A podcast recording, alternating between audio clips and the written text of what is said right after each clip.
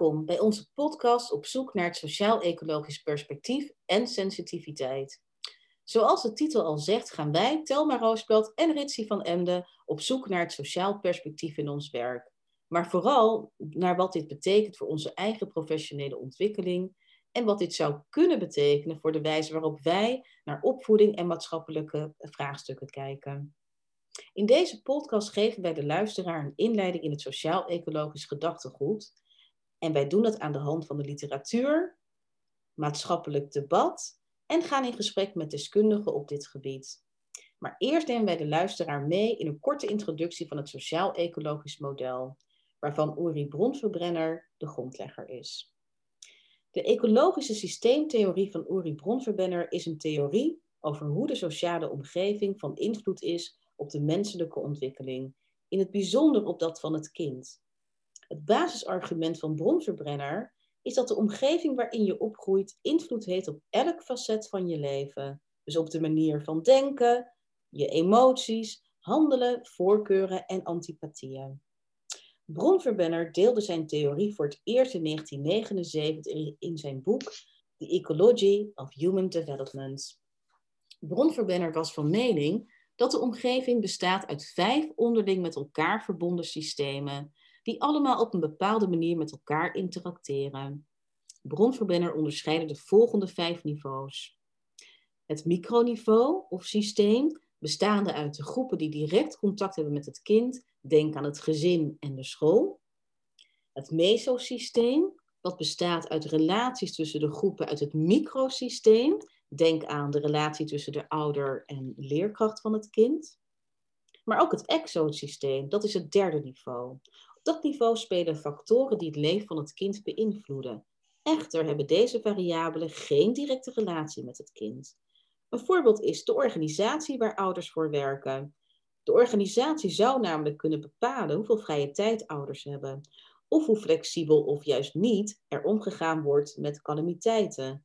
Dit werd pijnlijk duidelijk tijdens de eerste lockdown, waarbij bijvoorbeeld ouders met een nul-uren-contract problemen ondervonden met aan de ene kant uh, het, het, het, genereren van inkomen door te werken, maar ook de opvang van hun kinderen en het geven van thuisonderwijs. Het vierde niveau is het macrosysteem. Op dit niveau werken de culturele elementen die het kind en iedereen om hem heen beïnvloeden.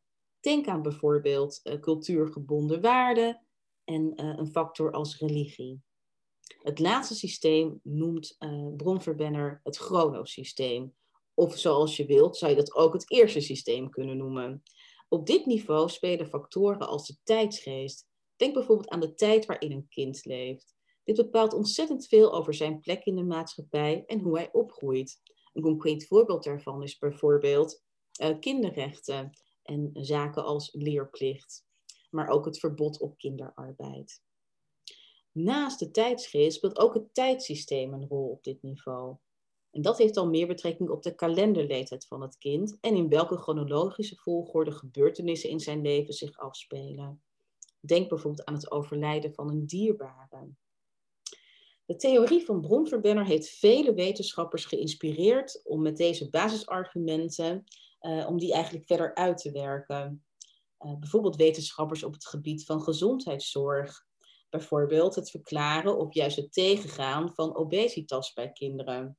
Maar ook op het gebied van complexe maatschappelijke vraagstukken, zoals huiselijk geweld en kindermishandeling en het doen stoppen daarvan. Onderzoekers op dit soort onderwerpen hebben, het model van Bronverbenner uitgewerkt naar een ecologisch cumulatief risicomodel. Dat wil zeggen dat deze onderzoekers zeggen dat om bijvoorbeeld complexe vraagstukken het hoofd te bieden, er eigenlijk naar alle niveaus gekeken moet worden. En zeggen zij daar ook mee dat er op ieder niveau factoren spelen uh, die van invloed zijn op, uh, nou ja, op bijvoorbeeld uh, overgewicht bij kinderen of op het plaatsvinden van huiselijk geweld. Over naar jou, Ritsi. Dankjewel, Telma, voor die fijne opening. Um, ik kijk er trouwens erg naar uit deze podcast met jou te doen. Vind het een beetje spannend. volgens mij ons allebei wel even. En laten we kijken hoe het gaat en er voor de luisteraars wat moois van te maken. Um, Even kijken. Ja, nou goed, Selma, zoals je al zei, we gaan aan, een aantal, aan de hand van een aantal inzichten van een aantal sprekers die we hebben en theoretici kijken naar het perspectief, sociaal-ecologisch perspectief. Um, ik zou graag willen aftrappen met een, met een fragment wat ik tegenkwam. dat gaat over ehm, eh, het Rijksmuseum, die eh, dieper ingaat op eh, de connectie met de geschiedenisstukken die ze hebben en, en, en de slavernij. Ehm, tijdens de documentaire die op 2 Doc is uitgezonden op 15 februari van dit jaar, um, is constaatconservator Evelien Sint-Nicolaas stil bij het schilderij Schutters van Wijk de Achtste. Wat is geschilderd door schilder Van der Helst um, in, ongeveer in 1640. Ehm, terwijl zij stilstaat bij de schilderij, kijkt zij naar een, een overzicht van uh, allerlei wat, wat oudere mannen die, nou, van, van hoe het eruit ziet, een, een wat, wat trotse houding hebben. Het lijkt alsof ze ja, trots uitstralen over hetgeen wat ze hebben ja, behaald, of de status die ze hebben. En tussen al die grote blanke mannen eigenlijk staat één klein um, donker jongetje die lange tijd eigenlijk niet, niet, niet gezien is of niet is opgevallen en waar geen aandacht is besteed is bij het presenteren van het schilderij. We gaan luisteren naar Evelien Sint-Nicolaas Telma en dan bespreken we hem, bespreken hem daar daarna. Ik ben benieuwd.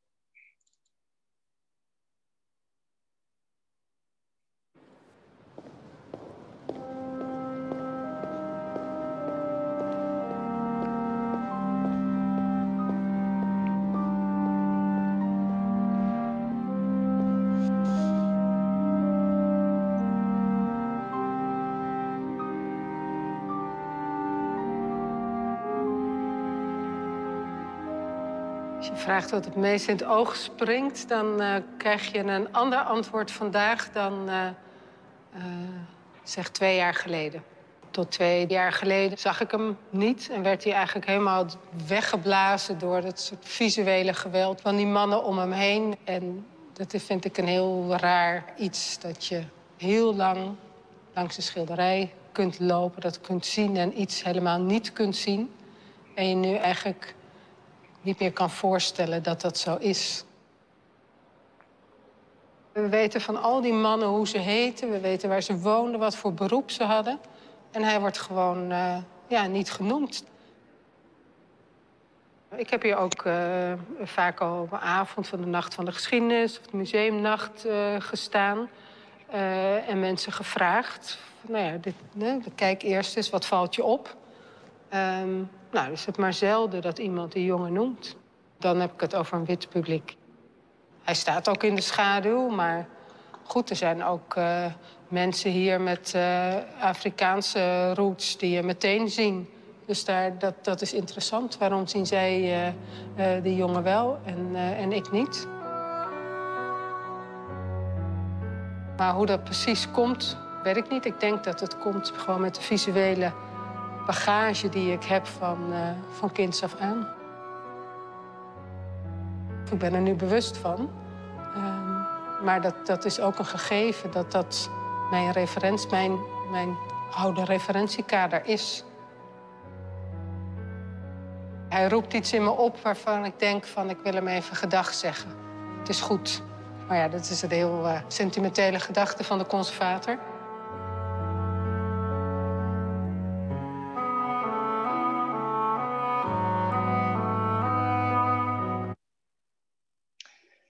Dat was het uh, fragment. Uh, Telma, mag ik jou vragen, wat, uh, wat is hetgeen wat jij hoort in hetgeen wat de conservator vertelt? Nou ja, wat mij heel erg opviel was uh, nou eigenlijk de op opmerking van Eveline Sint-Nicolaas over dat als je haar een jaar geleden had gevraagd uh, of zij het jongetje had gezien in het schilderij, dat haar antwoord waarschijnlijk nee was geweest. En in haar, ze geeft ook aan van nou, dat ik zie hem nu wel. En relateert het ook een beetje aan de tijdsgeest waarin wij nu leven. In het afgelopen jaar, afgelopen jaren, uh, is er ook meer aandacht voor uh, nou, thema's als inclusiviteit, Black Lives Matter. En zo zie je eigenlijk een beetje dat wat Bronverbenner het chronosysteem noemde, dus die tijdsgeest, hoe dat dus inderdaad ook van invloed zou kunnen zijn op je, ja, op je denken, maar dus ook op je waarneming. Dat viel mij daarin op. Ja. Was dat voor jou? Herkenbaar, ik herken me in hetgeen wat je zegt. Ehm, het fragment laat mij ook zien en liet mij zien hoe we als, als mens, maar ook als professional, ook dingen soms over het hoofd kunnen zien. Die we denken, hè, we denken soms vanuit onze afleiding, uh, afkomst of opleiding, of hoe we zijn opgegroeid, van alles en nog wat te hebben geleerd en te weten hoe de dingen in elkaar steken, maar dat, dat het toch is dat we dingen over het hoofd kunnen zien. Um, en de, de koppeling die ik kon maken met het sociaal-ecologisch denken, of wat ik, die ik daarin maak, is dat het sociaal-ecologisch uh, gedachtegoed een breder, je een breder perspectief laat innemen, waardoor je dus meer kan waarnemen over. Hè? Dus dat niet wat verder gaat dan alleen het kind en het gedrag wat hij laat zien en eigenlijk zijn ouders, maar ook wat zit er, wat is de afkomst van de ouders, uh, qua, qua waar ze wonen, hoe hun omgeving. zitten, ze, dus, zitten, er, zitten ze er sociaal of financieel sterk bij of niet? Ja. hebben ouders een, een belaste geschiedenis of niet die wellicht door kan werken in het kind? Ja, maar het zou dus eigenlijk ook een stukje kunnen betekenen dat, dat wat jij ziet anders zou kunnen zijn dan dat wat ik zie. Bijvoorbeeld. Ja. Dat is echt een beetje wat Evelien Sint-Nicolaas aangaf. Dat mensen, hè, bezoekers van het museum met uh, bijvoorbeeld een Afrikaanse roots, uh, dat hen het jongetje eerder opvalt. Dus dat is denk ik ook wel iets wat ik hieruit meeneem. Is dat uh, ja, het stukje van uh, dat, dat wat je ziet ook weer onderdeel is van wat je hebt meegekregen en hoe jij de wereld ja, ja, beschouwt. En ook wel denk ik de erkenning dat het ook anders mag zijn, dat we andere dingen mogen zien. Ja, ja, ja. En dat door breder en breder perspectief in te nemen, je ook alleen op dat moment lukt, naar mijn idee, ook dus om een ander iets te erkennen. Als ik in dit geval kijk naar het, naar het verhaal van het schilderij, het jongetje mhm. wordt gezien en vervolgens mhm. kan die daarna worden erkend. Hij is er, mhm. hij is iemand, hij heeft een achtergrond en vervolgens wordt het iets en in de context, of het trekt naar mijn eigen werkpraktijk. Als ik weet van een kind wat zijn achtergrond is en ik ja. Eh, benoem iets over, nou, uh, bijvoorbeeld dat hij van het weekend suikerfeest heeft gevierd thuis. Dat zegt iets over zijn identiteit, over hoe hij omgaat met zijn familie. En als ik dat benoem, daar aandacht voor heb, uh, kan die ook eerder worden erkend voor, voor wie die, voor alles wat hij is.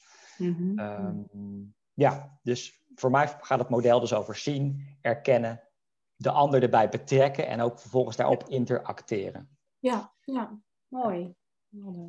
Um, het, als het gaat om het, om het uh, breder kunnen waarnemen, uh, gaan we nu over naar, um, naar, naar, iemand die we gesproken hebben, Bram uh, van Vreeswijk, die um, in het gesprek wat we met hem hebben gehad, praat over reductie van het waarnemingsvermogen. Mm. laten we daar naartoe gaan. Telma, zou jij willen vertellen wie Bram van Vreeswijk is? Ja, Bram Vreeswijk is uh, ervaringsdeskundige in het herstel van alcoholisme en uh, angstproblemen. En eigenlijk ook wel een uh, pleitbezorger van een ja, sociaal-ecologisch perspectief. Bram heeft culturele antropologie gestudeerd, heeft als kunstenaar gewerkt met kunstvormen als video en dans en is verder oprichter van het Herstellab het Herstellab is een platform voor onderzoek naar herstel uh, en de ontwikkeling van werkvormen in het herstel van psychische kwetsbaarheden. Daarnaast zullen sommige van onze medestudenten Bram Vreesbaak ook kennen als, uh, ja, denk ik wel, een klankbord uh, voor het vak uh, academisch en pedagogisch platform 4, waarin hij regelmatig aansluit bij de groepjes ja, eigenlijk om mee te denken en uh, ja, te brainstormen over complexe vraagstukken en uh, hoe handelingsonderzoek daarop op los te laten. wij gaan dus luisteren naar, naar een fragment van een, een, gesprek dat wij hebben gehad met Bram. En dat gaat inderdaad over reductie van ons waarnemingsvermogen. En daarna zullen we dat ook kort nog nabespreken. Dus ik wil aan jou, Ritsi, vragen om het fragment te starten. Ja, en even ter check, even Telma. Klopt het, we hebben twee fragmenten. We beluisteren eerst het eerste gedeelte, we bespreken die na en daarna gaan we door naar het tweede gedeelte. Dat klopt. Ja. Komt hier het eerste, eerste fragment? Ik ben benieuwd. De klok bijvoorbeeld is een beperking van wat tijd is. Dus tijd bestaat uit enorm veel belevingen. Van enthousiasme, eh, verveling, ehm, rust, eh, haast. Dus dat is een enorm ehm, ehm, palet aan, aan gebeurtenissen, het stromen van de tijd. Wat ook voor allerlei organismes anders is. Dus jouw beleving van tijd is anders dan eh, de beleving van de muur achter je. Hoe die tijd beleeft. Die muur die staat er ook veel eh, langer, waarschijnlijk. Ehm, dus er is een enorme eh, rijkdom in Mhm. wat er gebeurt in de tijd. En die objectiviteit van de klok ehm, is daar een reductie van. En zo vindt er dus bij al die vormen waarin naar objectiviteit eh, gestreefd wordt, per definitie een reductie plaats. Dus ook bij statistisch onderzoek, dan hebben ze misschien zoveel mensen geïnterviewd en zeggen ze van de Nederlanders vindt dit of dat. Maar wat er in feite gebeurd is, is dat er zoveel duizend Nederlanders op die en die vraag dit en dat antwoord hebben gegeven. Ja, dat is dus Eh, die reductie. Dat is ook- reductie en die reductie, en dan kom ik op een belangrijk punt voor de ecologie. Ja. Ehm, door die reductie wordt het mogelijk om dingen niet in je beleving van de waarheid mee te nemen.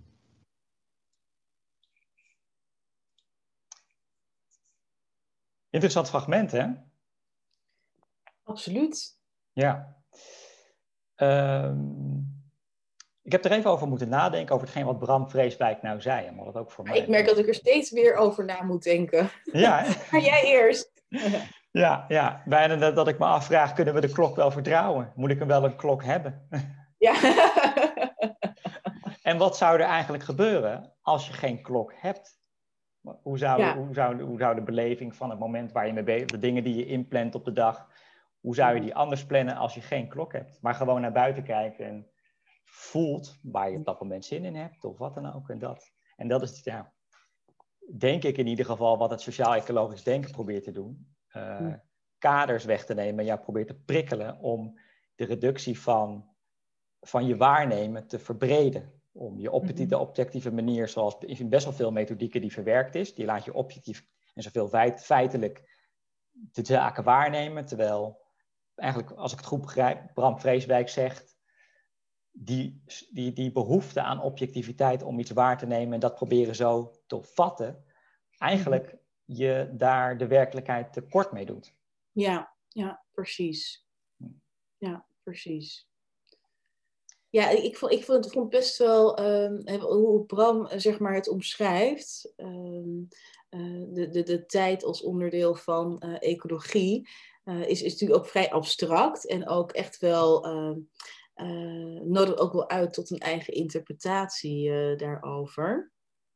Eh, wat wij eigenlijk ook in deze podcast willen doen voor onze luisteraar, is eigenlijk in eerste instantie een wat abstracter palet bieden over ecologie. En vanuit daar het steeds concreter te maken. En ook te kijken van, goh, wat zou dit nou je kunnen opleveren in, in de praktijk? Ehm eh, Ritsie, je hebt daar ook een ander fragment voor uitgekozen. Dat is een, een, een stukje over ene Thomas Weiner die daar wat concreters over zegt. En ik zou willen voorstellen om daarnaar eh, te gaan luisteren. Ja, klopt. Ehm, Thomas eh, Weisner is een, nou, dat is een, dat is een hele mond vol, maar ik wil deze meneer wel recht toe aan. Dus ik en, zal... en, en Ritsie, is het, Ja. is het nou Wiser of Weiner? Eh, even kijken, het is Wiser. oh, Wiser. Excuus, dan heb ik dat verkeerd eh, uitgesproken. Ja, en ik heb het ook Wiser, verkeerd, ja, Ga verder. ergens verkeerd geschreven. Ehm, ja, dus ik wil deze meneer wel recht aan doen. Dus het is even mond vol, maar ik zou zeggen wie die is. Eh, Thomas Weisner is een emeritus hoogleraar antropologie aan de UCLA in de Department of Anthropology en de Department of Psychiatry and Behavioral Sciences. Ehm, op dit moment bekleedt hij de leerstoel die zich bezighoudt met cultuur en de menselijke ontwikkeling. En, en binnen dat thema is hij vooral bezig met, uh, met het onderzoeken en ontwikkelen van ja, wat, wat wordt omschreven als ecoculturele theorieën en methodieken. Mm -hmm. dus in de notendop, hoe uh, wordt er naar opvoeding gekeken in een andere cultuur mhm. en wat kunnen daarbij wel daar, daarvan leren.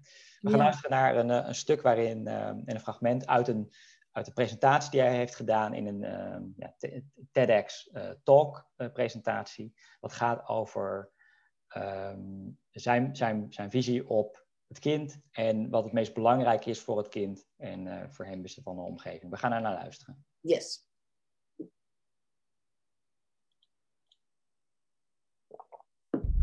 What is the most important thing in child development?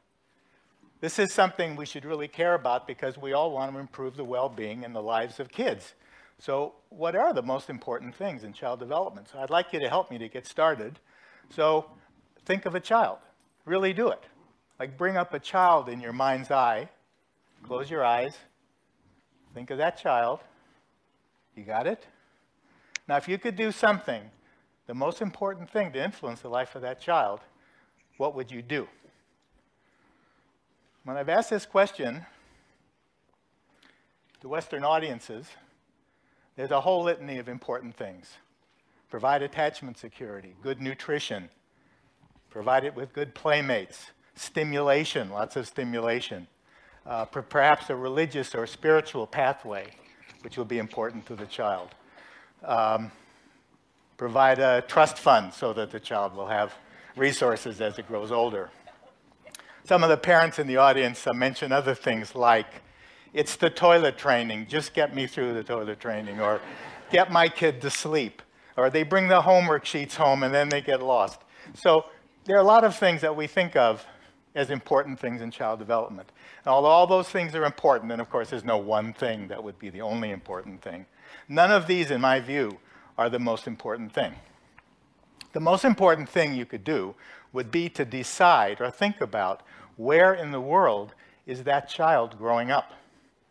All the things that we think of about the child depend on the context in which the child and its family are living. What family, what neighborhood, what community, what nation state will that child's life pathways be determined in? Most of the things we think of, nutrition, having a trust fund, that religious pathway, is there one religious pathway? Are there many? What does that religious pathway entail? All of these things depend on the child in some particular context.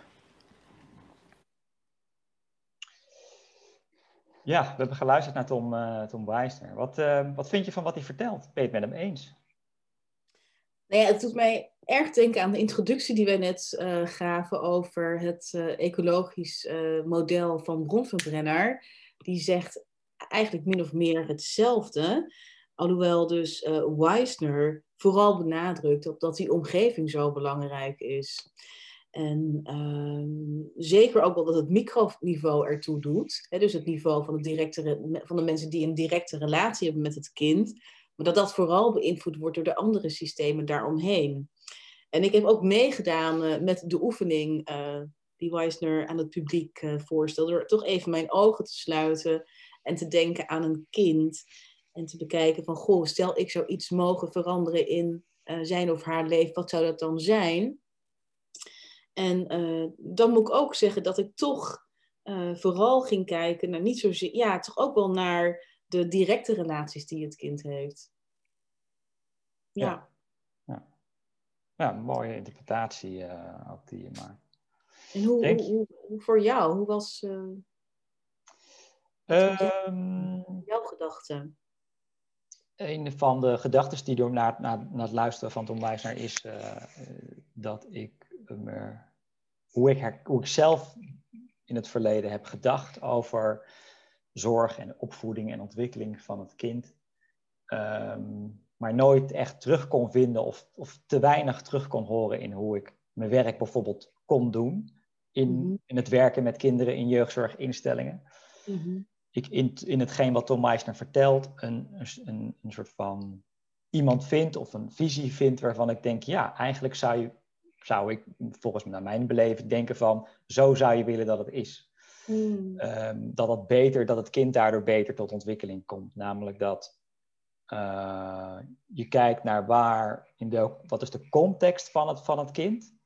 En wat Mhm. heeft hij nodig en waar groeit hij naartoe? Met welke wat voor kinderen heeft hij te maken? Met wat voor school heeft hij te maken? Met wat voor buurt heeft hij te maken? En wat, wat heeft dan het kind nodig? Wat is dan de meest gepaste interventie eh, voor Mhm. dit kind op dit moment in die situatie? En Ja. ehm, ja, het heeft me best wel, eh, dus de, de, wat hij zegt heeft me best wel, ehm, eh, dat ik dacht van ja, ik graag zou ik, daar geloof ik ook in dat, het, dat ik wil dat het zo zijn. En tegelijkertijd frustreerde het me ook weer dat ik dacht van, hmm, als we dus, als er mensen zijn die, die zeggen van, eh, we moeten meer het kind als uitgangspunt nemen en ook de context van het kind daarin meenemen. Waarom doen we dat niet nog meer? En doen we eigenlijk Ja. zoals we dat nu doen, eh, eh, het, het bedenken van interventies voor het kind, doen we het kind eigenlijk niet tekort. Ja, nou ja, of doe je de context niet tekort, doordat je die er, naar mijn idee, hè, dat, dat ik voor mijzelf spreken, daar toch te weinig eh, in, in betrek. Ik denk afgelopen jaar heeft juist die context zo in de belangstelling gestaan, mede onder invloed van een documentaire als Klasse, hè, over nou ja, het, eh, het, eh, het, het, het, het schoolsysteem eh, hier in Nederland, zaken als kansenongelijkheid. Ehm, dat gaat ook heel erg uit van die context. En ehm, ik vind het ook ingewikkeld, want hoe kun je nou op, ehm, eh, laten we zeggen, op mijn eigen niveau, op microniveau, een verschil maken op die niveaus daaromheen? Ik vind dat ook ergens, nou het is niet dat ik er volledig somber onder raak, maar af en toe maakt me dat ook een beetje moedeloos. Ehm, en ik ja, wat jij ook aangaf, want het is denk ik wel een uitdaging om die context wat meer voor het voetlicht eh, eh, te houden, wat meer in kaart te brengen. Ja, En ook kijken wat je daarin zou kunnen, kunnen betekenen. ja, ja. Ja. Ja, ik denk dat wij met onder andere met deze podcast en het proces wat we hierdoor hebben door, tot, tot Mhm. nu toe hebben doorlopen, Mhm. Ehm, dus het inzicht krijgen in hoe eh, nemen wij onze omgeving waar, hoe kijken we ook naar, hoe denken we en handelen we op, op, op kind en gedrag. En dat we daar nu ook anders mee omgaan. Ja. Een start is met het anders, ehm, vervolgens ook anders kunnen vormgeven van jeugdzorg en. Jeugdhulpverlening. En dat wij door, nou, dus door het maken van deze podcast, het verspreiden van informatie, hopelijk ook dus anderen kunnen prikkelen om Mhm. anders te denken over kinderen, Ja. over opvoeding, ontwikkeling. En Ja. ook over de, de onderliggende normen en waarden die daar, die daar zitten. En Ja. die we als maatschappij met elkaar die we uitdragen. Maar waarvan, ja, waarvan we eigenlijk best wel eens mogen afvragen, of vaker mogen afvragen. Willen we dit nog wel op deze manier omgaan met een kind in een jeugdhulpverlening? Is een gezinshuis niet beter? Moeten we daar niet vaak veel meer mee doen? Maar betekent dat ook niet dat we dan.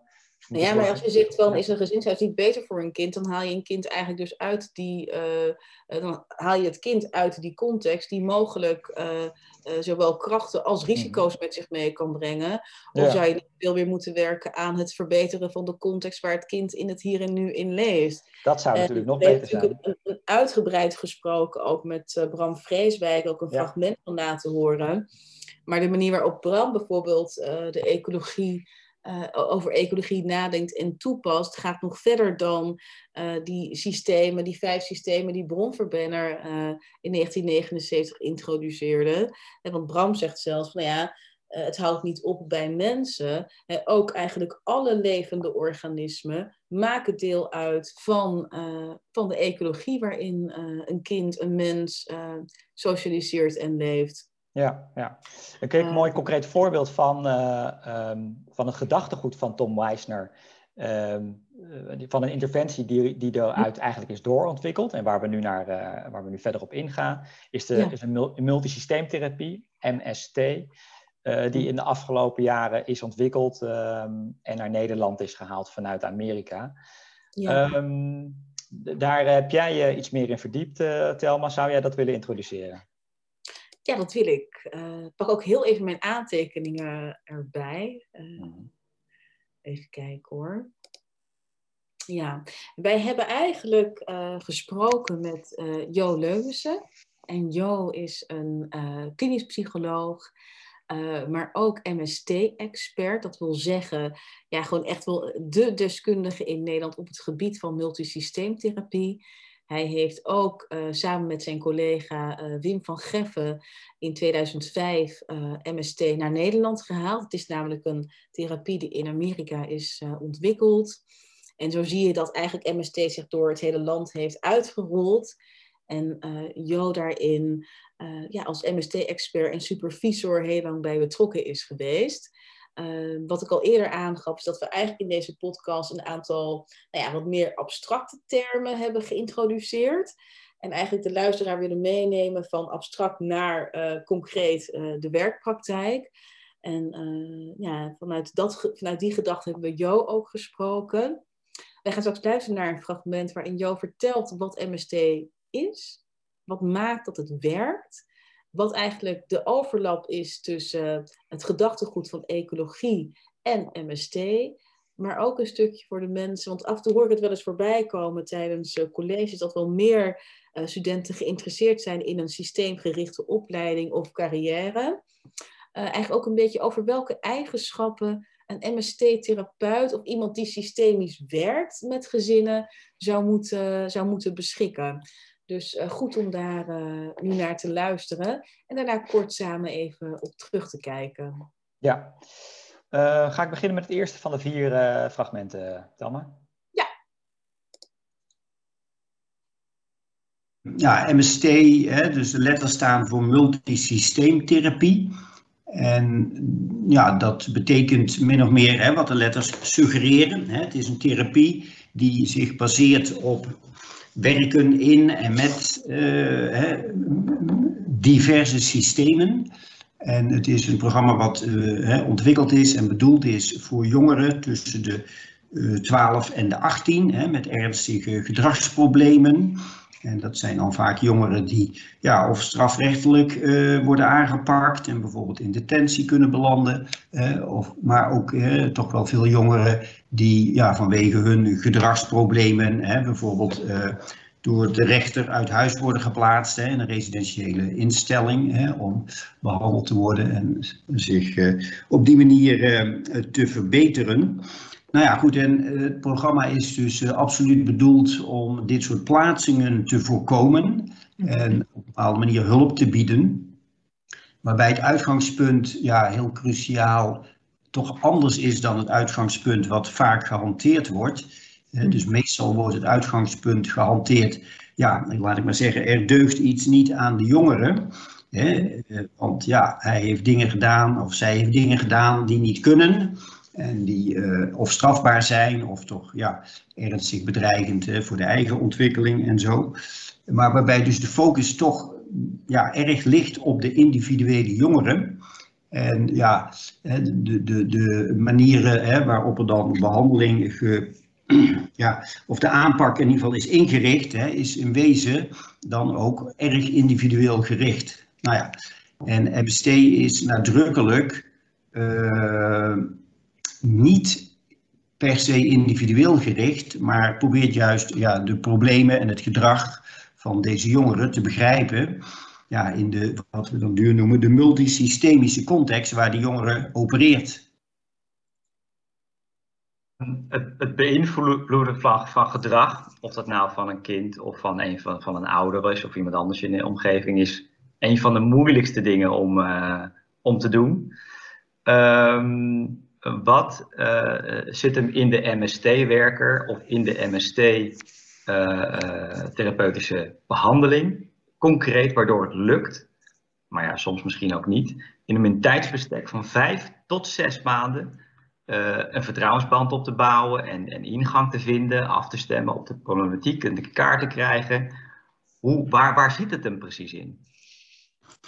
En, en misschien kunnen aantonen aan de hand van een, van een, uh, een kleine casus of voorbeelden uit je eigen um, tijd dat je MST hebt uh, gegeven in de praktijk? Ja, kijk, het zit hem uh, in een aantal facetten. En een heel belangrijk facet is dat de hulpverlener, hè, de MST-therapeut, dat die ja, ook werkt in de eigen ecologie van de jongeren en de mensen hè, die daarin verkeren. Dus uh, MST zegt niet, nou kom maar naar het bureau en dan praten we er eens verstandig over en succes ermee. maar dus die MST-therapeut gaat naar het gezin toe, gaat naar de school toe, gaat met de jongeren uh, eens kijken met wie ga jij buitenom. Hè? Als de jongeren dat toestaat, hè, maar zal anders zeker proberen met ouders en familieleden en buurtgenoten hè, daar zicht op te krijgen. Dus die MST-therapeut is heel actief aanwezig hè, in de ecologie van die jongeren om zicht te krijgen hè, op de, ja, wat allemaal een rol speelt in de problemen. En om met uh, ja, de betrokken mensen, dus uh, de ouders, eventueel de jongeren zelf, vrienden, familieleden, uh, een, een, een, trainer van een voetbalclub, mensen hè, uit een wijkvereniging. Uh, ja, te kijken, hè, wat kunnen we uh, anders gaan doen, hè, waardoor de jongeren zich ook anders kan gaan gedragen. Vind jij dat, Jo, dat er vanuit de, het gedachtegoed van, van MST, de manier van werken en ook het gedachtegoed van het ecologisch denken, dat uh, als je kijkt naar de jeugdhulpverlening, dat er um, te weinig gebruik wordt gemaakt van dat gedachtegoed. En dat dat een, um, een gebrek is. Is, wat is jouw opinie ten opzichte van MST, de jeugdhulpverlening en de veranderingen die ze eigenlijk een beetje ter plaatse vinden? Uh, ja, nee, ik vind dat er absoluut een gebrek is in uh, de jeugdhulpverlening aan, in die zin, ecologisch denken en werken. de neiging is toch nog vrij sterk om het behoorlijk individueel op en aan te pakken. Kun je zo meteen nog vertellen waarom je denkt dat het zo is? Waarom denk je dat het zo is? Uh, ja, ik denk dat dat zo is, omdat we vaak zien hè, dat onze jongeren, eh, voordat ze in MST komen, hè, dat er ja, hè, redelijk wat individueel gerichte pogingen gedaan zijn, die uh, ja, tekortschieten, zeker bij degenen die natuurlijk toch bij ons uh, terechtkomen. Ehm, ja, dus dat denk ik. En daarnaast, er zijn natuurlijk wel wat ehm, er wordt wel vaak gepraat hè, binnen de hulpverlening. Hè, dan, het gaat een beetje in golven, maar dan moet er weer wat meer gezinsgericht gewerkt worden. Maar dan, ja, wordt dat niet vertaald in een effectief programma of in een effectieve aanpak. Dan zeggen die residentiële instellingen die om de tien jaar zeggen die ja, god, alleen die jongeren behandelen, dat is niet zo succesvol, moeten ook iets met gezin doen. Maar er komt dan eigenlijk nooit heel veel van terecht. Waarom niet? Het is natuurlijk heel erg moeilijk ja, als de jongere geplaatst is, om dan ook nog intensief met het gezin te werken. En, en tegelijk... is dat moeilijk, Jo, om als een jongere uh, ergens residentieel geplaatst is, om tegelijkertijd ook met het gezin te werken? Nou ja, omdat uh, heel vaak in de praktijk is het dan al uh, toch een behoorlijke reisafstand tussen het, de residentie en het gezin. Mm -hmm. Dus is het voor het gezin erg moeilijk om frequent therapie te krijgen. En daarnaast is het natuurlijk ook nog eens een keertje zo. Ehm, ja, je, het, het beste is natuurlijk voor het gezin om te oefenen hè, met de jongeren en met interventies rondom de jongeren als die thuis is. Aan welke kwaliteiten uh, of kenmerken zou een goede MST-therapeut moeten voldoen? Ja, nou ja, een goede MST-therapeut die heeft minimaal een HBO-opleiding en uh, we hebben een lichte voorkeur hè, voor mensen met een masteropleiding. Maar in de praktijk. Waarom is dat? Waarom is dat? Ja, omdat met name het, het analyserend gedeelte van de MST ook heel belangrijk is. En de systematiek van werken en de systematiek van verslag leggen, et cetera. Um, en ja, op zich, die eisen zijn niet door onszelf geformuleerd, maar die, het is een Amerikaans programma, hè, dus die, die uh, horen bij het programma. Maar goed, dus in de praktijk hoor, hebben we denk ik uh, meer HBO'ers als MST-therapeut dan uh, masters. En ze doen het allebei in principe heel erg goed. Dus dat is uh, allemaal niet zo'n groot probleem. nou ja, dat, dus een, een, voldoende vooropleiding is van belang. ja, en verder is het toch wel heel erg belangrijk dat mensen natuurlijk toch wel gemotiveerd zijn om dit soort werk te doen. Omdat het ook werk is wat je, ja, goed, je werkt heel intensief met gezinnen. Je moet bereid zijn om ook op, uh, ja, s'avonds en in het weekend te werken. Je moet ook bereid zijn om voor crisissen uit te rukken. Uh, ja, en dat uh, vindt niet iedereen al even prettig. Of je kan een situatie hebben, hè een moeder met vier kindertjes thuis, ja, die heeft natuurlijk ook andere belangen. Hè? Dus soms kan het uh, zijn dat het ook niet combineert met je privésituatie. Um, dus dat is ook belangrijk. En een bepaalde attitude, hè, persoonlijkheid is ook wel erg belangrijk. Hè? Dus we moeten een beetje mensen hebben die toch wat, uh, ja, zoals dat heet, wat streetwise zijn. Een beetje stevig uh, op hun eigen benen staan. Uh, ja, die niet al te gauw schrikken hè, van iets wat, uh, ja, wat ze op school nog nooit gezien hebben. Nou ja, dat soort zaken zijn ook wel van belang. Hè. En ten vierde, dat is ook een hele belangrijke, mensen moeten erg bereid zijn om aldoende te willen leren. MST bestaat ook wel uit een systematiek waarin er ook voortdurende coaching is. En het mooie is dus, mensen kunnen zich binnen MST ongelooflijk goed uh, ontwikkelen en groeien als therapeut. Hoe doen jullie dat? Uh, ja. Hoe doe je dat, al, dat aldoende, uh, dat voortdurende leren? Hoe, hoe, hoe ja, bied je daar als MST-team een klimaat voor? Hoe doen jullie dat? nou, om nog even af te maken, het is mensen die niet zo openstaan voor feedback en leren, hè, die lopen er ook rond. Hè, die daar, ja. Dat is heel lastig in MST. Want nie, niemand is kant en klaar geschikt om het maar meteen goed te doen. Iedereen in elke rol van MST ja, moet zich uh, door feedback, zal ik maar zeggen, en door openstaan om te leren, moet hij zich ontwikkelen. Nou ja, en hoe doen we dat? Daar heeft MST toch een, een ja, eigenlijk een uniek kwaliteitssysteem voor. Hè, dat, ik, ik ken echt geen programma in de jeugdzorg en ook nauwelijks daarbuiten, hè, wat zo degelijk uh, ook dat stukje uh, ter hand weet te nemen. Om maar wat te noemen. Hè. Dus alle therapeuten en supervisoren van MST beginnen met een vijfdaagse starttraining. Hè. Dus toch een uitgebreide, pittige inleiding in MST. Uh, alle teams die hebben uh, elk kwartaal een boosterdag, hè, dus een soort vervolgscholing hè, op basis van problemen hè, die ze tegenkomen. dus er wordt er nog uh, meer training gegeven. Is dat dan een soort heel... Zo'n boostertraining, is dat ook een soort supervisie? Nee, nee, die staat nog apart. Hè. Er is voor elk team een wekelijkse supervisie en consultatie. En dat betekent eigenlijk dat alle therapeuten maken over hè, de casussen die ze hebben. Meestal hebben ze vier à vijf casussen tegelijk. Maken ze een, een verslag via een bepaalde systematiek. Die systematiek die helpt heel erg om ja, doelgericht te blijven werken en om de problemen goed te beschrijven en te analyseren. En op basis van hè, die verslaglegging krijgen ze supervisie elke week. Twee uur duurt dat meestal van een eigen supervisor.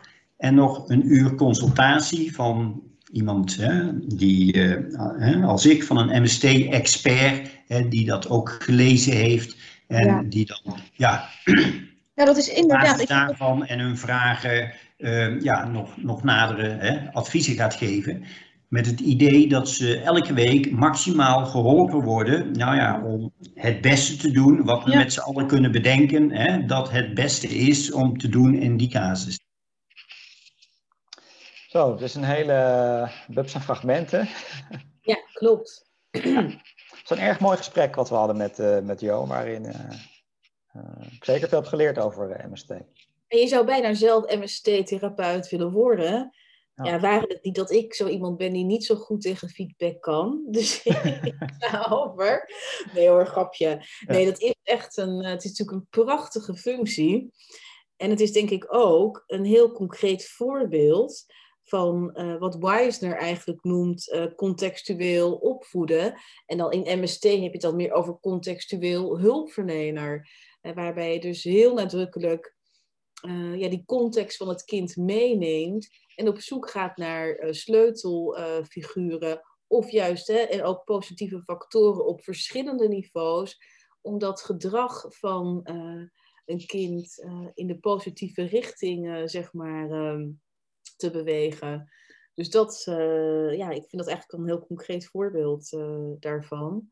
En het laat denk ik ook wel zien, ook hoe Jo omschreef, al de intervisie en, of supervisie en boostertrainingen en dat soort zaken, hoe ingewikkeld dat eigenlijk is om dat op een goede manier te doen. Het vraagt uh, veel van een, uh, een jeugdhulpverlening of van een professional. Ja, ja eens. Ja. Uh, hoe kijk jij erop terug, Ritsi? Op ja. het gesprek dat wij hadden met jou? Ja. Wat heeft het voor jou betekend? Het systemisch werken is iets wat me aanspreekt als een systemisch therapeuter werker worden of solliciteren mm -hmm. op een soortgelijke functie heeft me altijd wel aangetrokken. En als ik dat in de toekomst nog ooit eens ga doen, uh, ga ik zeker kijken of er uh, ergens een, een, een, organisatie is die werkt, denk ik, vanuit de gedachte van MST. -hmm. um, hetgeen wat me er denk ik het meest in aanspreekt, is ook met het, het met je voeten in de klei willen staan. Hè? En, en, in die praktijk willen gaan met dat, met wat ingewikkelde soms kind en het gezin.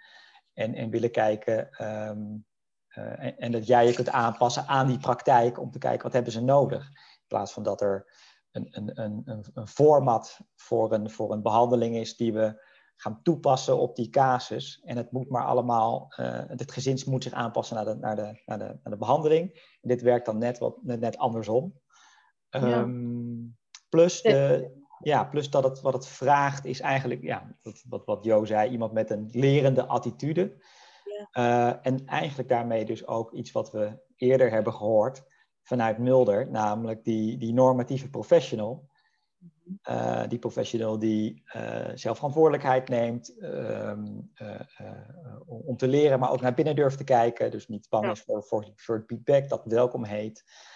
Ja. Um, en daarmee uh, vind ik dat het een methodiek is die niet alleen de ontwikkeling van het kind en het gezin centraal stelt, maar ook de ontwikkeling van, de, van de, de therapeut ja. die met die, met die methodiek ja. bezig is. Mooi gezegd. Met, Mooi zijn team. Ja, ja, en daarmee vind ik dat, uh, ja. met, zoals Jo dat vertelde, de, dat, dat de methodiek, uh, dat de MST-methodiek los lijkt te komen. Maar nogmaals, ik ben geen, geen expert, maar in mijn beleving komt daarmee de, de, de methodiek los van de klassieke instrumentele manier van het benaderen van kindproblematiek. Er is een probleem, er is onderzoek gedaan en dit gaan we doen. Nee, we hebben hier iets wat ingaat op de complexiteit van het kind en gezin. En het, we hebben hier wat handvatten en we gaan kijken of het, uh, of het werkt, maar uh, ja, aanpassen in ieder geval en ervoor uh, gaan. Dat is iets wat, wat me erg aanspreekt. Ja. Ja, nou ja, en ik denk ook wel een beetje, want dat noem je net, hè, van juist dat contextueel kijken naar, uh, naar een kind, is ook een beetje een soort van geïntegreerd kijken naar een kind.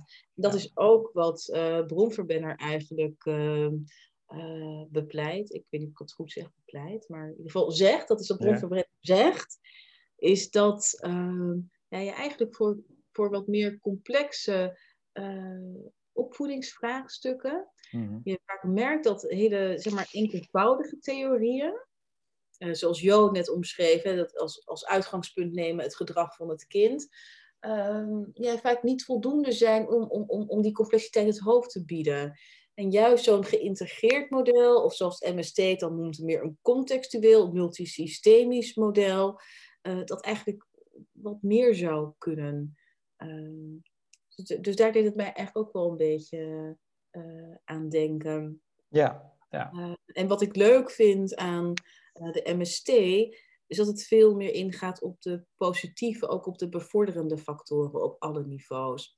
Ja, als je kijkt naar nou ja, recentelijke wetenschappelijke studies, bijvoorbeeld naar de, de, de, verklaringen van huiselijk geweld en kindermishandeling, dan wordt het model van Bronverbrenner heel erg gebruikt als een risicomodel. Waarin ze eigenlijk de risico's voor uh, geweld in het gezin eigenlijk verklaren aan de hand van die context. Welke risicofactoren spelen er op microniveau? Dus bijvoorbeeld uh, gaat het dan om de onderlinge relaties, ouders die met elkaar in de clinch liggen of kindfactoren bij het kind. Uh, maar ook, ze kijken dan ook naar het, uh, het mesosysteem, wat daar aan risicofactoren ligt. Maar wat MST dan eigenlijk anders doet en wat mij daarin heel erg aanspreekt, is dat zij zeggen, natuurlijk zijn daar ook negatieve factoren. Maar dat betekent ook dat je positieve factoren zou moeten kunnen aanwijzen. En daar gaan zij juist zo expliciet naar uh, op zoek. En ook naar manieren om die factoren dus ook te vergroten of te versterken, zoals je wil. Ja. Ja. Dus dat vind ik wel, uh, ja, dat, uh, dat heeft het mij, nou ja, toe doen nadenken. Ja, ja. Nou, mooie, mooie samenvatting ook. En ik denk dat we, dat we vanuit hier ook een beetje omwille van de tijd door kunnen ja. gaan naar de, naar, de, mooi, naar de afsluiting richting. Hè, van, klopt, klopt. Um, Zeker. Ritsi, ja. ik wil jou heel erg bedanken voor, het, uh, voor dit gesprek, maar vooral voor deze zoektocht die we samen zijn gestart ergens in het najaar van 2020. ik heb het ontzettend leuk gevonden om met jou samen te werken aan dit project. Natuurlijk veel brainstorm sessies ook gehad. Veel met elkaar gespart over dit onderwerp. dus heel veel dank daarvoor. Ja, nou, dat is geheel wederzijds. was me ook echt waar genoeg en, genoeg. En ik kan echt zeggen dat als het gaat om het, nou, waar we bij, bij, bij, van deze podcast, waar we onze zoektocht zijn begonnen naar het ecologisch perspectief. Ja. Ehm, en en ja, dat we in, in de loop van die zoektocht die sensitiviteit eigenlijk steeds meer zijn gaan ontwikkelen of ontwikkeld hebben. Mm -hmm. En dat is een proces wat naar mijn idee nog steeds doorloopt. Dus, uh, en voor mij betekent dat dat ik echt wel heb uh, gemerkt dat ik wel gevoeliger ben geworden voor als ik te maken heb met een kind of een omgeving, of met zijn gezin, of met zijn ouders, of überhaupt nadenk over zorg. Um, dat ik eerder bij mezelf de raden vraag van wat zijn nou dingen die, waar ik nou nog niet aan heb gedacht. Ja. Of dat ik ruimte laat van wacht eventjes. Hè, ik heb nu te maken met het kind of uh, met een casus, uh, met, een, met een kind met een bepaald gedrag bij mij op de groep, dat ik denk, oh wacht, kind laat nu moeilijk gedrag zien. Wat heb ik nu nog niet gezien? Er is vast ja. iets wat ik nog niet heb genoemd, wat wel relevant is voor het kind. En dat ik daarna, dat het me, dus dit denken me prikkelt om daarna op zoek te gaan een aansluiting bij te vinden. Dat is ook een beetje die opmerking die Bram Vreeswijk, ma Bram Vreeswijk maakte over de reductie van waarneming. Ja, dat je daar ook wat meer bewust van, uh, van bent. Ja. Dat is eigenlijk het bewustzijn van die reductie ook weer deuren opent om uh, ja, je waarneming te verbreden. Ja, ja. absoluut. Ja. In, mooi. in hoeverre heeft dit uh, bij jou veranderd in de professional die, je, die, die je bent, of die je was of die je nu bent? Ik merk dat ik het nog best ingewikkeld vind om ook toe te passen in mijn werk, concreet. Mm -hmm. Uh, ik merk wel bij mijzelf een, grotere ecologische sensitiviteit, daar waar het gaat om, uh, nou ja, om even maar een voorbeeld te noemen. Uh, ik las laatst in de krant dat nou, de overheid eigenlijk voornemens is om een suikertax in te voeren. En dat is eigenlijk voor mij dan een soort concreet voorbeeld van hoe er dan op, in het chronosysteem, op niveau van de maatschappij, overheid, beleid wordt ontwikkeld, wat ook weer van invloed zou kunnen zijn op het microsysteem. Namelijk op wat ouders bijvoorbeeld de kinderen voorschotelen bij uh, de avondmaaltijd of bij het ontbijt. Mhm. Mm -hmm. Dus dat, dat, dat, daar, in dat opzicht is mijn sensitiviteit daarin toegenomen. Um, in mijn werk, wat ik zei, vind ik nog best lastig om daar echt concreet handen en voeten aan te geven. Maar ben ik mij wel bewuster als ik bij een gezin op huisbezoek ga, dat ik ook toch wel even om mij heen kijk van, goh, in welke buurt woont een gezin eigenlijk?